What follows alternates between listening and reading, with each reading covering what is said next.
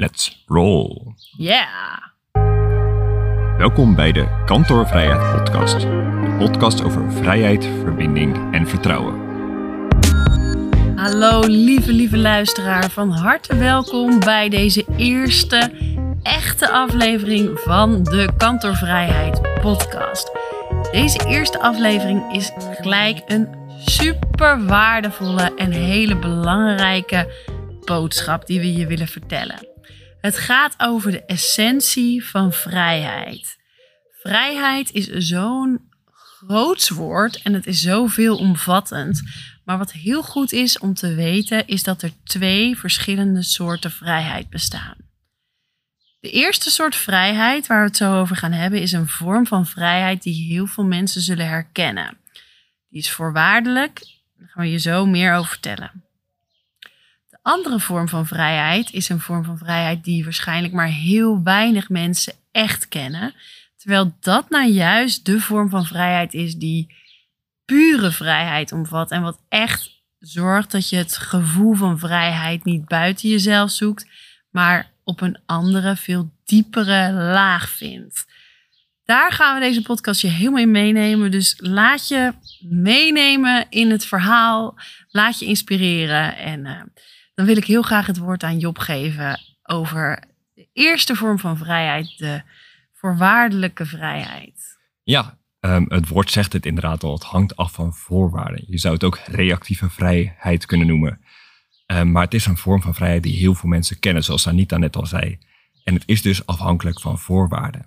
Je zegt bijvoorbeeld, ik ben vrij als ik bedrag X op mijn bankrekening heb staan. Of ik ben vrij als ik in huis X dat aan deze en deze voorwaarden moet voldoen.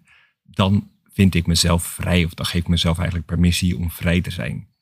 Echter is het heel vaak zo dat als je dat eenmaal hebt bereikt, dat er wel weer een nieuwe stip op de horizon komt. Een nieuw doel waar jij naartoe wilt werken, waarvan je dan zegt, oké, maar dit is het nog niet helemaal. Als ik het volgende bereik, als ik dat dan bereik, dan ben ik echt vrij. En nou, als ik zelf een voorbeeld mag geven, voor mij eh, kon ik bijvoorbeeld zeggen, hè, als ik een, een huis in de natuur heb en het huis dat moet aan deze en deze, deze voorwaarden voldoen en in dit land en deze plek en dit in de buurt enzovoort, dan ben ik vrij. En ondertussen ben ik achter dat echte gevoel van vrij zijn niet daarin te vinden is. Of ik kon er bijvoorbeeld ook zeggen, nou als ik uh, deze auto heb, is misschien iets meer een mannenvoorbeeld. nou, dan, uh, dan heb ik het voor elkaar, dan ben ik vrij. Maar ik ben er ook van overtuigd dat dat niet waar is. En dan kun je alsnog genieten van een mooie auto of een mooi huis. Maar de echte vrijheid gaat dat niet geven. Nee, het, het verlegt de hele tijd. Eigenlijk, je zegt het heel mooi, die stip op de horizon gaat alleen maar een soort van verder. En ik denk wel dat wij mensen zijn ook wel altijd gedreven om te groeien. Dus dat hoort er ook wel bij. Het is niet verkeerd. Maar uh, ja, het is, het is echt voorwaardelijk. En dat maakt het dus ook een soort van gevaarlijk. Ik vind het ook fijn om een voorbeeld te geven vanuit mijn uh, als vrouw zijn. Misschien herkennen de vrouwen zich weer daar meer in. Voor mij is bijvoorbeeld, ik ben vrij als mijn to-do-lijstje af is.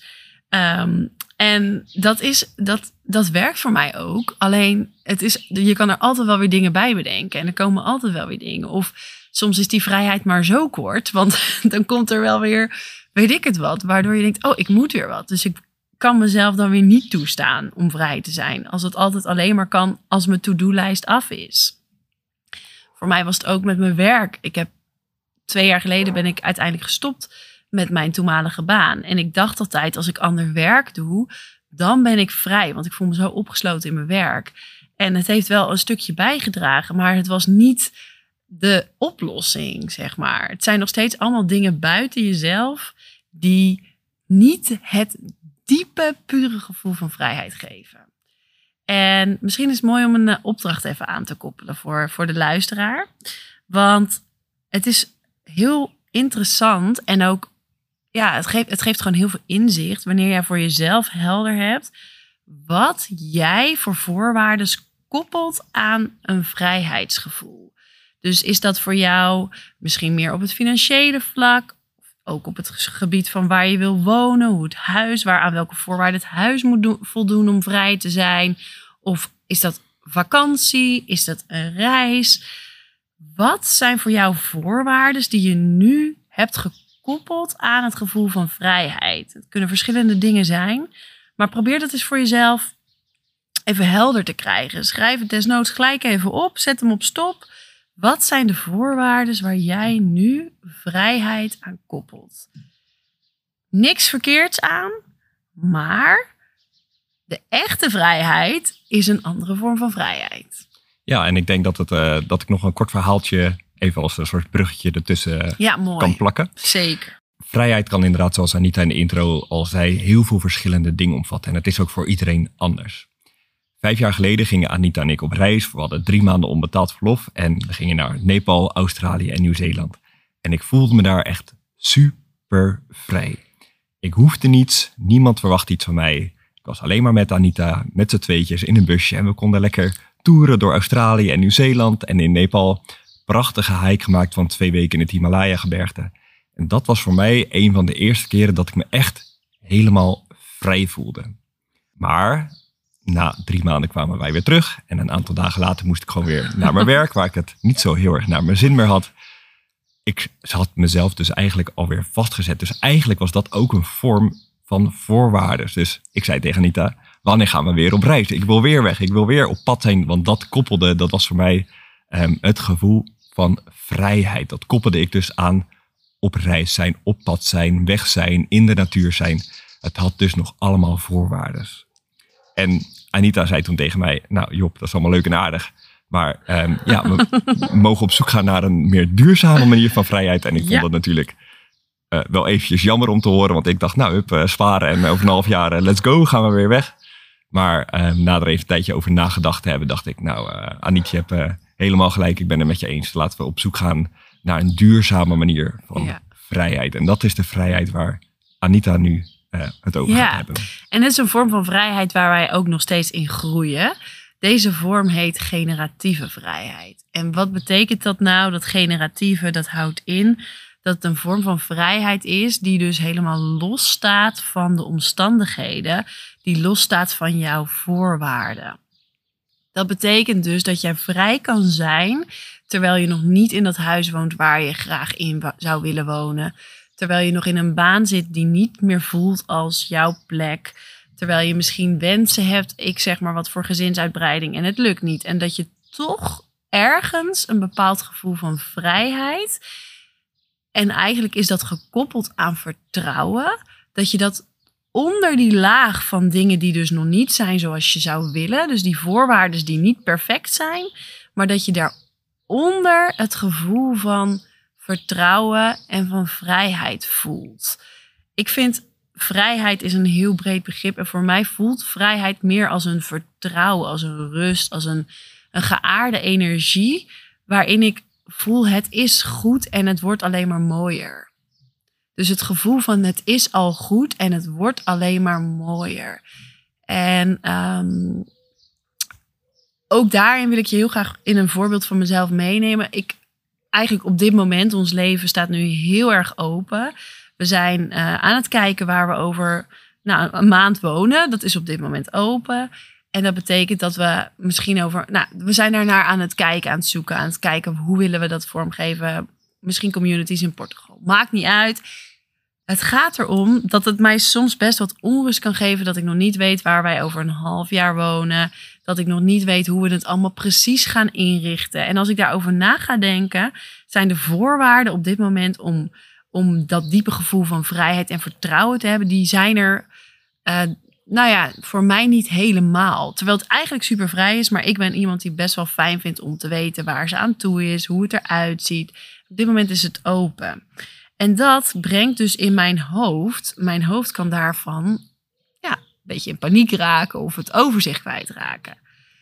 Terwijl als ik daar doorheen zak, en dat kan ik steeds beter, als ik daar doorheen zak, kom ik in een gevoel in mezelf. En voor mij is dat in mijn hart ook in mijn buik, maar voornamelijk in mijn hart. Dan kom ik in een rustpunt en daar voel ik dat het goed is. En daar voel ik een vertrouwen. En dat is voor mij vrijheid. Dus dan, ik, dan weet ik niet waar wij over een maand of twee maanden precies zijn. Dan weet ik ook nog niet hoe het eruit gaat zien met eventuele um, nou, veranderingen in het bedrijf. dat, dat gaat allemaal, hè, dat gaat zijn vorm nog vinden. Mijn hoofd kan daar helemaal van in paniek raken. Maar op die diepere laag, het gaat echt over een diepere laag. Voor mij gaat het over de laag van de ziel, over het laag van, van het weten met je hart, het voelen met je hart. Kantoorvrijheid dus, kantoor waar het gewoon goed is. Daar voel ik dat, dat er rust is en dat ik, dat ik kan ontspannen in de chaos. Ontspannen in het niet weten. Ontspannen in de openheid en ontspannen in dat het nog niet perfect is. Dat is het voor mij.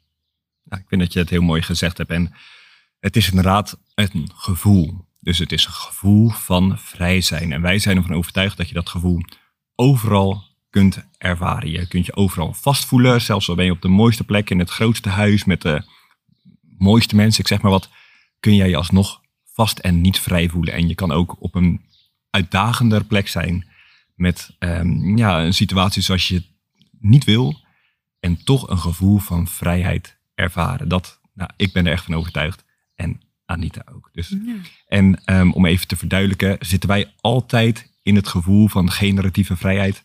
Nee, tuurlijk niet. Wij hebben ook genoeg momenten dat er wel voorwaarden zijn waarvan wij zeggen, oké, nou dan ben ik vrij of gelukkig of heb ik vreugde of dan is het goed zoals het is. Maar het is de uitnodiging om dat gevoel van vrijheid, van generatieve vrijheid, te gaan herkennen en erkennen. Is het dus verkeerd als je af en toe nog voorwaarden stelt? Nee, tuurlijk niet. Het is heel menselijk en iedereen mm. schiet daarin. Dat geeft helemaal niets. Ja. En wij, ook wij proberen steeds vaker dat gevoel van generatieve vrijheid te, te vinden en te, gaan, en, en te gaan ervaren. Ja, en vooral ook, hoe meer je dat gevoel ervaart, hoe meer het ook um, hè, be the energy you want to attract. Dus hoe meer je het gevoel hebt dat de voorwaarden niet uitmaken, dat gevoel van I'll make it work. Ik voel dat het altijd, dat ik het altijd overal oké kan hebben. En dat vertrouwen in jezelf, dat, dat maakt dat het groeit. Dus zo'n gevoel kan beginnen. Voor mij begon het een aantal jaar geleden als een af en toe een glimpje dat ik dat ervaarde. Dat ik dacht, hey, wow, dit is fijn. Wat, wat voel ik nu? ik voel me heel erg rustig. Ik voel me thuis. Ik voel dat het, ik voel dat het goed is. Voor mij voelt het ook als thuis. Ik weet niet hoe dat voor jou voelt. Ja, ook. Ja, voor mij voelt het ook als een gevoel van um, verbonden met mezelf en verbonden zijn met heel mijn lichaam. Dus niet alleen mijn hoofd bewonen, maar heel mijn lijf bewonen. Heel je lichaam. Ik voel een energiestroom. Ik voel, ik voel gewoon zo'n kalmte. En dat begon dus als een glimp een paar jaar geleden dat ik dat af en toe eens had. En dat was dan ook nog best wel aan voorwaarden gekoppeld. Zoals uh, dat het alleen lukte op mijn vrije dag. Of dat het alleen lukte als ik, uh, als ik wel alles had gedaan van mijn to-do-lijst. En ondertussen ben ik dat zo gaan oefenen en oefenen. En kan ik dat eigenlijk heel snel oproepen. Er zijn nu nog een aantal voorwaarden. Eigenlijk de belangrijkste is dat ik even stilte heb. en nou, ik moet zeggen, net met Wolf heb ik het ook weer geoefend. Die liep lekker met een muziekje. Eigenlijk gaat het vooral om dat ik even kan ademen en me bewust ben van mijn eigen lijf. En dan kan ik dat gevoel alweer oproepen van, oh ja, wacht. Mijn hoofd vertelt van alles, maar in mijn lichaam, in mijn hart voel ik die rust en voel ik die vrijheid die er altijd is. Ja, en inderdaad ook weten dat het goed is zoals het is. Ja, en dan kan je alsnog af en toe helemaal in de rats raken van je eigen gedachten. Maar dan weet je dat dat niet meer de echte waarheid is. Dat is denk ik het allerbelangrijkst. Goed, we geven je mee. Er zijn twee soorten vrijheid. En ga voor jezelf eens ontdekken wat voor jou de voorwaarden zijn van de eerste vorm van vrijheid, van de voorwaardelijke vrijheid. En ik ben heel nieuwsgierig. Kun jij die generatieve vrijheid ook al voelen? Weet je wat we bedoelen? Heb je dat wel eens herkend? En zo ja, ga kijken of je dat kunt uitvergroten, vaker kunt voelen, zodat het steeds meer in jezelf verankert. Mocht je dat nou nog nooit hebben ervaren, of ben jij nieuwsgierig naar hoe wij jou kunnen begeleiden op dit gebied, op het gebied van vrijheid ervaren in jezelf, Neem dan zeker een kijkje op onze website. Hieronder in de beschrijving vind je de website. Ga kijken. Vind wat er allemaal voor jou te vinden is in de begeleiding. Op dit moment bieden we ook persoonlijke coaching waar we je helemaal mee kunnen nemen naar jouw persoonlijke kantoorvrijheid. Dus ja, maak daar gebruik van, zou ik zeggen.